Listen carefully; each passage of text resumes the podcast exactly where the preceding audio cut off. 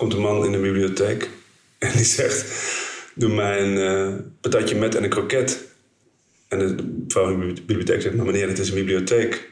Op die man zegt: Doe mij een eh, patatje met en een kroket. Ik zit hier duidelijk met een, eh, een creatieve maker. Dat is. Michiel IJsbouts. Hallo allemaal. Ik ga je zo meteen introduceren. Eerst Leuk. even de intro. Creatieve beroepen zoals die van reclamemakers en vormgevers gaan heel veel voorstellen die gepresenteerd worden niet door. Terwijl talentvolle, slimme mensen ziel en zaligheid erin steken, verdwijnen briljante ideeën op de plank. Om al dat mooie werk niet voor niets te laten zijn geweest, is er nu de plank. Een podcast waarin telkens één creatieve maker zijn of haar beste afgeschoten idee nog één keer mag presenteren.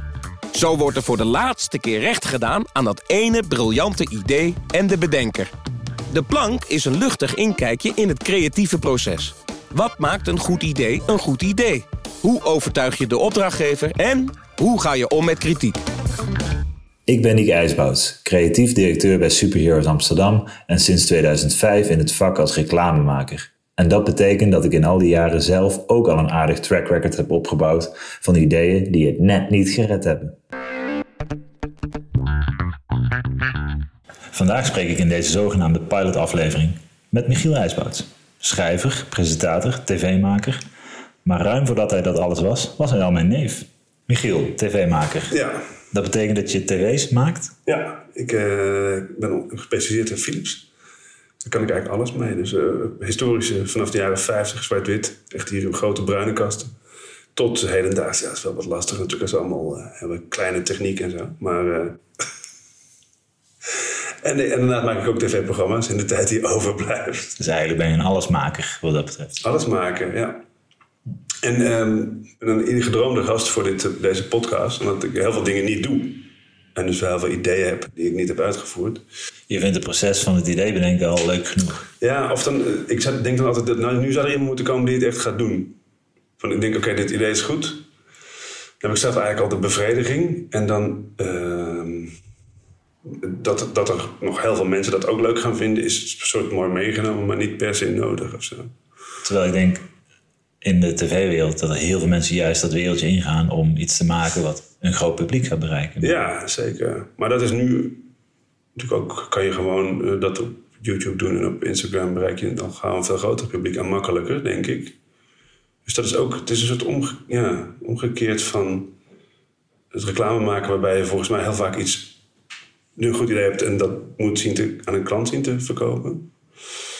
En ik heb heel vaak een goed idee en ik hoef het niet, niet te verkopen. En dan, dan, dan gaat het ook niet door. Dus het is eigenlijk hetzelfde netto resultaat. Michiel, tv maken, dat betekent niet dat je alleen oude Philips tv's maakt, maar vooral dat je video maakt en ideeën voor tv. Maar waar zouden mensen jou van kunnen kennen? Eh, van heel, ik, ik zit, eh Nick, eh, volgend jaar eh, 25 jaar in het vak. en, maar dat is begonnen als, eh, bij het programma Lingo, dat nu weer op de buis is. En daarna ben ik eh, van allerlei quizzen gaan doen. Eh, mensen met kinderen in de leeftijd van eh 8 tot 12 jaar oud ongeveer kunnen mij herkennen als eh, Tony van der Neut, de gekke assistent bij de Beste Vriendenquiz. En die heb ik eigenlijk mede ontwikkeld, eh, dat programma. Ik ben eh, ook voice-over. Eh, en dat loopt allemaal een beetje door elkaar heen. Dus ik schrijf teksten voor animaties voor internet, dus uitleganimaties. Eh, die spreek ik ook soms zelf in. We hebben een heel populair kanaal op YouTube, dat heet de Cliphanger. Dat zijn uitlegvideo's eh, die inmiddels heel veel door kinderen worden bekeken. Dus wat is kippenvel of wie was Freddie Mercury? En dat is, een heel, dat is een heel populair kanaal. Dat is gecrowdsourced, dus kinderen mogen dan vertellen wat, wat ze willen weten. En dan gaan wij het uitleggen aan ze. Dat is eigenlijk een heel mooi systeem. Dat komt vanuit schooltv bij de NTR. Heel goed. En eh, dat betekent ook dat je soms eh, als schrijver of in die hoedanigheid ook eh, freelance voor reclamebureaus Ja. eens werkt. Ja. Maar jij kan het ook vergelijken met het presenteren aan de tv-wereld. Dus een, hoe, is dat publiek Pitchen. of ja, de pitchen van... Is daar een verschil in te merken? Dus het Volgens publiek mij betekent... zijn er evenveel... ja, ik denk dat de frustraties op hetzelfde niveau liggen. Voor veel mensen. Eh, en ik denk dat het, misschien dat het bij Hilversum nog iets, in Hilversum iets erger is. Omdat er veel meer lagen zijn vaak. Dus eh, voordat je bij, in een omroep bij de top bent, zit je, heb je al twee, drie mensen. En dan zit er altijd nog, en dan zitten daarboven nog de, de mensen bij de eh, NPO eigenlijk die het ook goed moeten keuren. Dus ja, dat, ik denk dat dat het lastig maakt. Aan de andere kant kan het ook heel snel gaan als je een goed idee hebt. Ik herinner me een eh, wederzijdse kennis van ons die onlangs het tv-programma eh, de pubquiz heeft verkocht aan Omroep Max. Met volgens mij dit als eh, pitch. De, een pubquiz op tv. en dat gaat nu gemaakt worden. Dat wordt nu gemaakt. Dus dat kan, ook, kan soms ook weer heel makkelijk gaan. Als je de juiste knopjes weet in te drukken. Ja. En wat dat betreft is het volgens mij, denk ik, in heel veel iets eh, vatbaarder nog voor eh, hypes en eh, buzzwords. En als er dan toevallig iemand, als er toevallig twee mensen bij, eh, hoog in de boom zitten die een neefje hebben die het laatst een pubquiz heeft meegedaan en er enthousiast over was, dan kan het zomaar zijn dat er opeens zes afleveringen van een pubquiz op zaterdagavond op tv worden uitgezonden. Dus het is misschien ook min, ja, iets minder professioneel bij de tv. Het is opportunistisch misschien. Ja, het is misschien ook, wat, ook wel natuurlijk wie je kent. Of je al naam hebt gemaakt in het vak. Ja, nee, precies, dat wil ik zeggen. Heel goed. nee, maar het is ook een soort kwestie dan weer vervolgens van of iets een succes wordt of niet. Is ook terwijl je soms bijvoorbeeld hele goede formats komen er dan opeens en die worden gemaakt. En dan kijkt er toch niemand eh, naar. Of dan een, heel slecht iets en dat is dan weer heel populair. Dus het blijft ook een soort godzegenende greep. En wie weet, het blijft een soort magie eigenlijk. Ja. Iedereen is bij de tv-wereld altijd heel erg op zoek naar dan bijvoorbeeld een spelletje wat je dagelijks... Hè, dat is eigenlijk een beetje de heilige graal. Dus het lingo of Rad van Fortuin of eh prijzenslag. En, en dat is eigenlijk wat iedereen wil. Of een grote zaterdagavondshow die altijd maar blijft eh, terugkomen. Maar je ziet dat dat toch eh, heel lastig is om zoiets te verzinnen. Dus er is geen gouden formule. Ja, en ik denk dat als je nu, of misschien twee jaar geleden, aan een omroepbaas zou pitchen het idee dat we gaan kijken naar mensen die hun caravans pro- proberen te parkeren op een camping. En dan maken we een format van, van 50 minuten. Ja, Dat iedereen je voor gek. Dat is- en we zijn er bijna, is nu een van de populairste programma's van de Ja. publieke omroep. dus dat, er, er, er gebeuren ook gewoon van die dingen opeens. Ja. En dan krijgt het een publiek en dan gaat het balletje rollen en dan is het eh, opeens heel groot. Ja, mensen praten elkaar misschien veel na. Ja, Ehm, we wijken al af, en dat is goed. Ehm, want dan kunnen we lekker monteren. hoe lang hebben we? We hebben op de SD-kaart 37 uur nog over. Michiel, ik heb ook een vraag voor jou. Jij bent ook presentator, dus je staat ook op het podium eh, om dingen aan elkaar te praten, Ja. eh, evenementen te hosten. Hoe anders is het om een programma of avond te presenteren aan het publiek in vergelijking tot eh, een idee dat uitgewerkt moet worden? Waar je veel kleiner publiek hebt in een soort van kantoorruimte waarschijnlijk. Ja, nou, ik ben. eh, ik, vind, ik vind het. eh, maar dat is een heel persoonlijk iets. Maar het is ook een persoonlijk programma natuurlijk wat jij maakt. Ik vind het heel moeilijk om beoordeeld te worden. Eh, heb ik altijd al, al gehad. Ehm, dus ik, heb het, ik ben niet een, geboren pitcher, volgens mij. Ik kan wel enthousiast worden over dingen. En als het er echt op aankomt, dan krijg ik mensen ook wel mee. Maar ik vind het wel moeilijk. Dus ik, eh, als ik binnenstap ergens en ik zie eh, vier, vier paar ogen van, eh, ja, wat, wat gaat hij nou vertellen? Dan moet ik wel heel goed uitgeslapen zijn, wil ik daar echt vol zelfvertrouwen in gaan. En dat is wat anders dan op een, op een podium, gek genoeg. Want op een podium heb je zeg maar nou, tussen de 200 mensen in de zaal, 500 of, een paar duizend soms wel. Maar dat is meer amorf, hè? dus dat is een massa. En die kijk je ook wel een soort individueel in de ogen allemaal. Maar met een, een massa is makkelijker te, eh, om te gaan dan eh, met vier man. Dat, is, dat is anoniemer misschien. Ja. ja. Dus hij hoor je misschien ook wel van cabaretiers die voor een zaal staan of zo. En dan heb je, ik werk veel met humor. Vind jij? Vind ik, andere mensen niet. Dat is zo grappig. Bij humor heb je een soort kritieke ondergrens om te lachen. En dat ligt bij, zeg maar, nou, de meningen verschillen over. Sommige mensen zeggen 30 man, andere mensen zeggen 120 man. En eigenlijk, als je een zaal van 500 man hebt die goed bij elkaar zitten, dan kan je best makkelijk meekrijgen met grappen. En dan kan je een soort sfeer creëren. Maar bij een pitch, waarbij je tegenover vier mensen zit of tien mensen, eh, zit je vaak eh, toch een beetje Ja, zie je ze echt, eh, weet je, één iemand kijkt even op zijn telefoon terwijl je bent, je denkt al van, oh jee, eentje is al afgehaakt, weet je. En de ander die kijkt even naar buiten. Je denkt, wie let er nog, wie kijkt er nog wel, wie let er nog wel op? Ja, dat kan heel pijnlijk zijn, hè? Ja. Ook omdat je eh, in ons vak moet je er soms nog, nog drie scripts eh, presenteren, bijvoorbeeld daarna. En Ja. dan is het bij die ene is het al niet gelukt. En dan moet je daarna nog het enthousiasme erin houden voor die andere drie. Het is lastig, hè? Ja. het is toch, ja, je kan het bijna niet, dat ook op die telefoon kijken en zo. Ja, je kan het mensen niet verbieden natuurlijk, maar ja, het, het komt bij mij altijd wel eh, hard binnen. Maar het is voor sommige mensen ook echt een, een manier om te laten zien van, ik ben niet meer geïnteresseerd, hè? Dus ik denk dat sommige mensen het wel echt zo inzetten. Ja. Ik heb eens bij vergaderingen gezeten of zo, waarbij dan eh, de baas het zich permitteert om op zijn telefoon te gaan zitten om aan te geven van, eh, dit hoeft voor mij niet meer. Voordat we naar jouw beste afgeschoten idee gaan, eh dan nog één vraag. Wat is het meest gênante dat je ooit hebt meegemaakt na het presenteren van een voorstel? En, als je dat hebt verteld, mag ik er dan vervolgens in de podcast verder op ingaan? Ja, het meeste, ik heb het laatst nog meegemaakt. En dat, dat vond ik heel gênant. Ehm, ik, had een, een, een, ging samenwerken met een klant om teksten te schrijven voor hen. eh, voor een, eh, ja, het was een soort overheidsinitiatief. En ik eh, we hadden afgesproken dat, ik een, dat een, aantal teksten geschreven moeten worden voor een aantal animaties op, internet. En ik had, we zouden eerst een pilot doen en dan nog, een pilot, en dan nog vijf teksten daarna. En ik had die pilot op basis van hun briefing geschreven. En toen kreeg ik eh, feedback dat ehm, een beetje onduidelijke feedback ook, dat ik me niet had gehouden aan de briefing. Toen zijn we gaan bellen. En eh, toen werd me eigenlijk langzaam duidelijk dat ik had een tekst geschreven en die was te, te simpel. Ze wilden het eigenlijk ingewikkelder hebben. En dat is een soort omgekeerde voor mij eh, wereld. Dus ik dacht, hoezo? Het moet toch duidelijk zijn. En het was ook te wervend, vonden ze. Eh, het bleek dat ze mocht niet wervend zijn, want ze wilden eigenlijk niet te veel toeloop hebben. Dus ze, wilden, ze gingen wel zeg maar, animaties maken om mensen duidelijk te maken dat ze er waren. Ik zal maar zeggen, het was het, het initiatief eh, grijze daken worden groen. Om alle weet je, zonnecellen op daken te zeggen. Dus ze wilden men- mensen wel kenbaar maken dat het initiatief er was. Maar het mocht niet te wervend zijn. Want dan ging iedereen maar aankloppen bij ze. En daar hadden ze ook weer geen zin in. Dus het was een soort.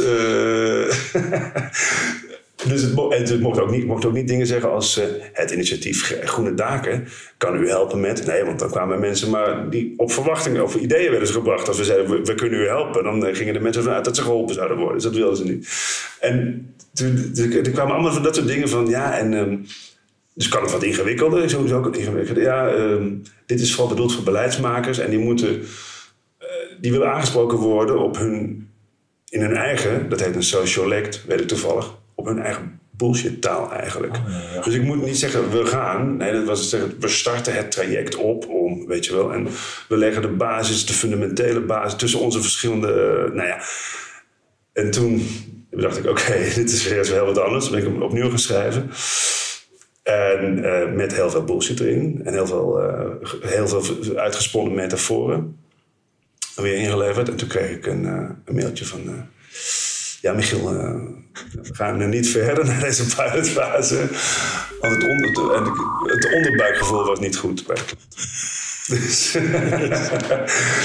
toen, dus ik vertelde het ook omdat ik het dus eigenlijk nog steeds kwaad- ze, toen konden ze eigenlijk hun reactie niet feitelijk uh, onderbouwen. Ik dacht, dit is zo krankzinnig, ik ga er iets over schrijven. Niet gedaan. Kan nog.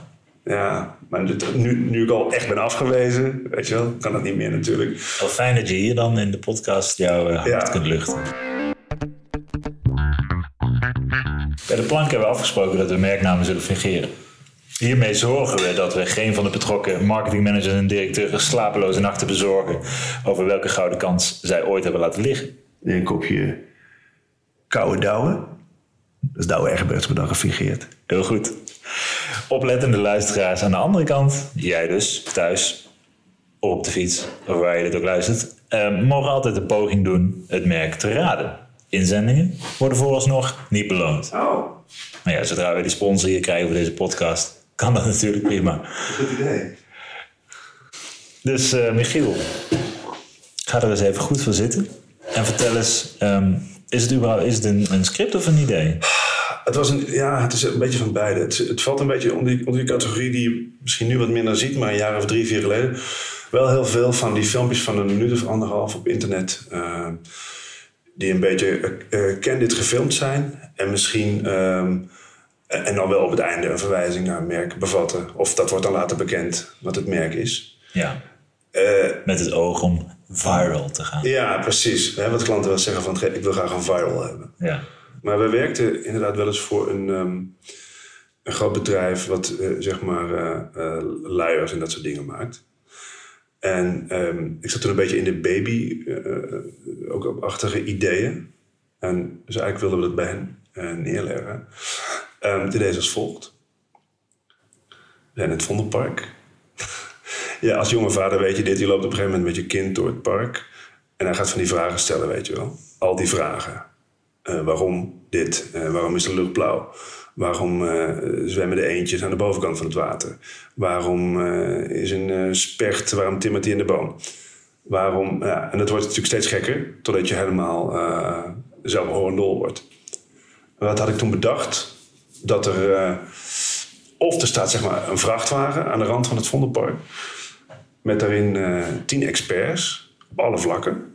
Dus je hebt, zeg maar Freek Vonk zit erin, eh, André Kuipers, die Erik Scherder en al dat soort mensen. Zitten allemaal achter microfoons, hele batterij microfoons.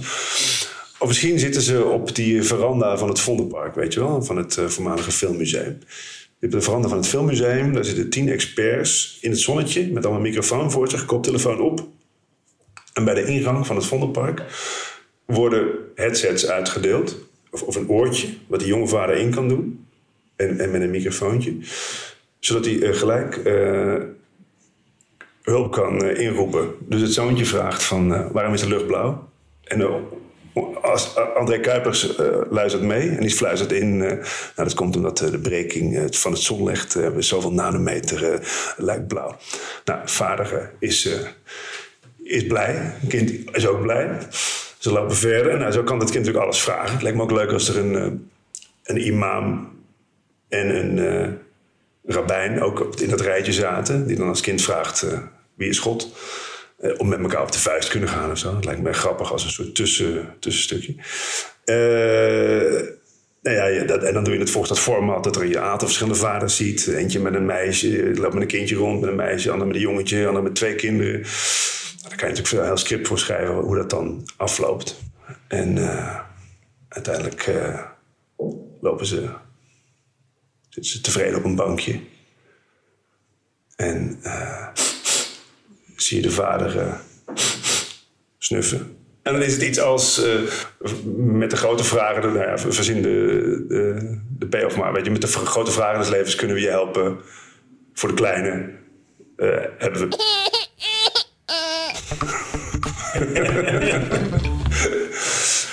Maar wat was nou het probleem? Dat die kinderen die in die leeftijd komen dat ze alles willen weten. Draai geen lijn meer. Precies. Want dat was me- meteen mijn vraag. Ik vind het een hartstikke leuk script, maar kun je de reactie van de opdrachtgever nog herinneren? Ja, dat is het. Die dragen geen luier meer. Ja, dus dit was duidelijk voordat ik zelf een kind had. Dus eh, dat, eh, dat pleit ervoor om niet met een al te jong team alleen maar te werken. ja Maar bij zoiets ook even te zorgen dat de oudere eh secretaresse er bij het kopiëren in elk geval een blik op gewerkt, geworpen heeft. ja. Dat er niet alleen mannen zijn die dit misschien bedenken. Ja, dat is, dus zie je dat dat diversiteit toch goed kan zijn in zo'n team. Absoluut, ja. Ja. Sowieso. hey, en ehm, dit was een, eh, eh, een reclame. Als je het hebt over een tv-format, heb je daar wel eens meegemaakt? Dat je denkt van, dit is het, dit is een geniaal idee. Misschien zelfs niet in opdracht bedacht, nou, maar gewoon Ja. zelf eh, gepitcht. Ehm, Maar bijvoorbeeld, je hebt het Belgische programma eh Ramboom gehad. Wat nu in Nederland ook Ramboom is eigenlijk. Ik had eigenlijk vrij letterlijk dat idee eh, twee, drie jaar daarvoor. eh, ja, gewoon met het idee van eh, een groepje leuke mensen die goed op ingespeeld zijn en samen maatschappelijke misstanden op een leuke manier eh, aankaarten. Nou, is dat natuurlijk ook, uh, kun je zeggen, het is misschien tien of twintig jaar daarvoor ook wel gedaan. Uh, maar met een bepaald soort humor erin en zo. Uh, en ik heb dat dan, ja, weet je, dan leg je dat bij een paar mensen neer. Of je, ik ben ook wel te vaak te beschermend geweest naar ideeën toe. Dus dat ik dacht van, ja, maar als ik het nou... straks wordt het gejat, dacht ik toen nog. Dat, dat was ik nog wel erg bang voor. Dus dan legde ik het bij één iemand neer. En die las het dan niet, of, die, of wel, maar die vond het niks. Dat kan natuurlijk ook. Mhm. Terwijl nu ben ik toch veel meer van... Als je een idee hebt, uh, stuur het gewoon naar een paar mensen op. Ja. En als ik dan niks hoor, dan vind ik het goed. En ik, ben ook, ik wil nu gewoon dat desnoods die jatten zit. Uh, vind ik ook prima. Maar dan wordt het in elk geval gemaakt. Dus ik ben nu wel, wel makkelijker uh, geworden. Ja. Met, met het rondsturen, met het delen. Ja, dat is ook iets wat ik, uh, als ik uit eigen vaatje mag tappen... Uh, wat ik vaak meegeef aan, aan jonge creatieven die, uh, die stage komen lopen of, uh, of, of, bij me komen werken, is inderdaad, deel je ideeën. Hou ze niet voor jezelf of op je computer. Het is niet voor niets dat reclamebureaus altijd muren hebben waar die ideeën hangen. Ja. en dat is ook echt om, het, om jezelf aan te leren dat je het met het team moet delen. En um, niet zozeer van dan gaan anderen ermee aan de haal. Maar anders komt het niet tot leven. En zul je ook nooit leren om het uh, te presenteren aan mensen die dichtbij staan. Of uh, uiteindelijk aan de klant. En om ideeën dus met, met andere mensen beter te maken. Dus het is heel belangrijk om dat wel te delen. Maar juist als je denk, jong en onervaren nog bent... heb je het idee van uh, nee, ik moet het eerst kloppend maken en perfect ja. maken. En dan pas mag het de wereld... ja, en dat is ook wel iets wat ik heb geleerd. Van dat, dat perfect maken, uh, daar was ik vroeger ook heel erg van. Dus eerst moet het helemaal kloppen. Mm -hmm. En nu ben ik toch veel meer. Hè, we maken een, een, quiz en er moeten wat nieuwe onderdelen voor ontwikkeld worden.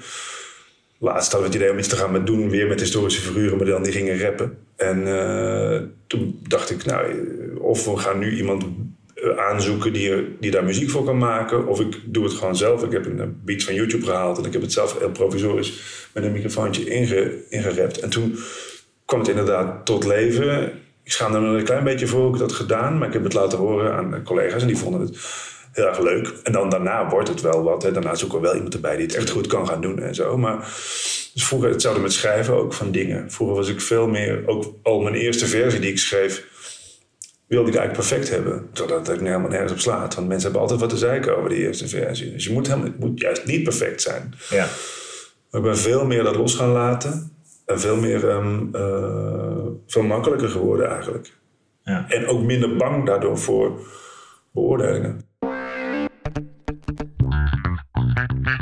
Michiel, als je nou uh, zelf aan de andere kant zou zitten en jij krijgt het idee gepresenteerd, hoe zou jij het uh, vriendelijk afserveren? Ik zou zeggen, het onderbuikgevoel is niet goed. Het bovenbuikgevoel ook niet. nee, uh, ja. ja, dan heb je al die lessen van. Um, dan moet je dus eerst. Opbouwende kritiek. Ja, ik vind, ben blij dat je helemaal met de auto hier naartoe bent gekomen met die idee te pitchen. Maar. Uh, de Amerikanen zijn al wijs goed in. Hè? Die gaan dat echt. Sowieso zijn die vaak niet meteen direct. Dus die, die, die gaan dan in een huddle soms heb ik het wel eens meegemaakt Oh ja. dat ze zich even uit de kamer terugtrekken. En dan noemen ze dan de huddle. Oh ja. En gaan ze overleggen. En dan komen ze terug. En dan krijg je dus die opbouwende... ja, en dan uiteindelijk toch van, maar we gaan het niet doen. Ja, ja. Maar heel vriendelijk. Bijna alsof je denkt van, nou, ze gaan het nog kopen ook. Ja, Maar dan- en dan toch niet. Nee. Ja, het is, bijna, het is bijna niet te doen, toch? Ja. Ehm, nou ja, eigenlijk gewoon heel straight. Ja, dit is nu niet, dit is niet waar we nu naar op zoek zijn. Eh, dit, dit, dit spreekt onze, het spreekt onze doelgroep niet aan. Eh, ik vind het ruk. Het is, ik vind, het is ruk, vind ik eigenlijk prima kritiek. Nou, dan weet je gewoon dat iemand het niet goed vond. Ja. Dus, en hij, hij betaalt. Dus hij bepaalt. ja. Of zij. Ja. het is ruk, we gaan het niet doen. Eh, maar ik denk dat het lekker kort, het is ruk, twee lettergrepen. Ja, het hoort er gewoon bij. Het hoort er gewoon bij dat dingen niet doorgaan. En het is een soort van, eh, ja. ja, dat is het leven. Eh, you win some, you lose some. Ja, je kan allemaal van dat soort clichés stukken aan vastmaken. Maar Mm. soms gaat het fantastisch. Soms is er ook een klote idee wat wel wordt uitgevoerd. En denk ik, ja, hadden ze het ander maar gekozen. Een andere keer gaat het andersom. Ja, daar heb je maar ook maar mee te dealen. En anders moet je een andere business op gaan zoeken. Als je daar niet mee om kan gaan, dan lijkt het dat je met een hele zware tijd eh, tegemoet gaat. Dat vind ik een hele mooie, zware afsluiter voor deze luchtige podcast. Dus, ik, dus laat ik hem wel positief formuleren. Als je daar goed mee omgaat, heb je een hele leuke carrière voor de boeg. Mooi. Dankjewel. Een heel gek einde.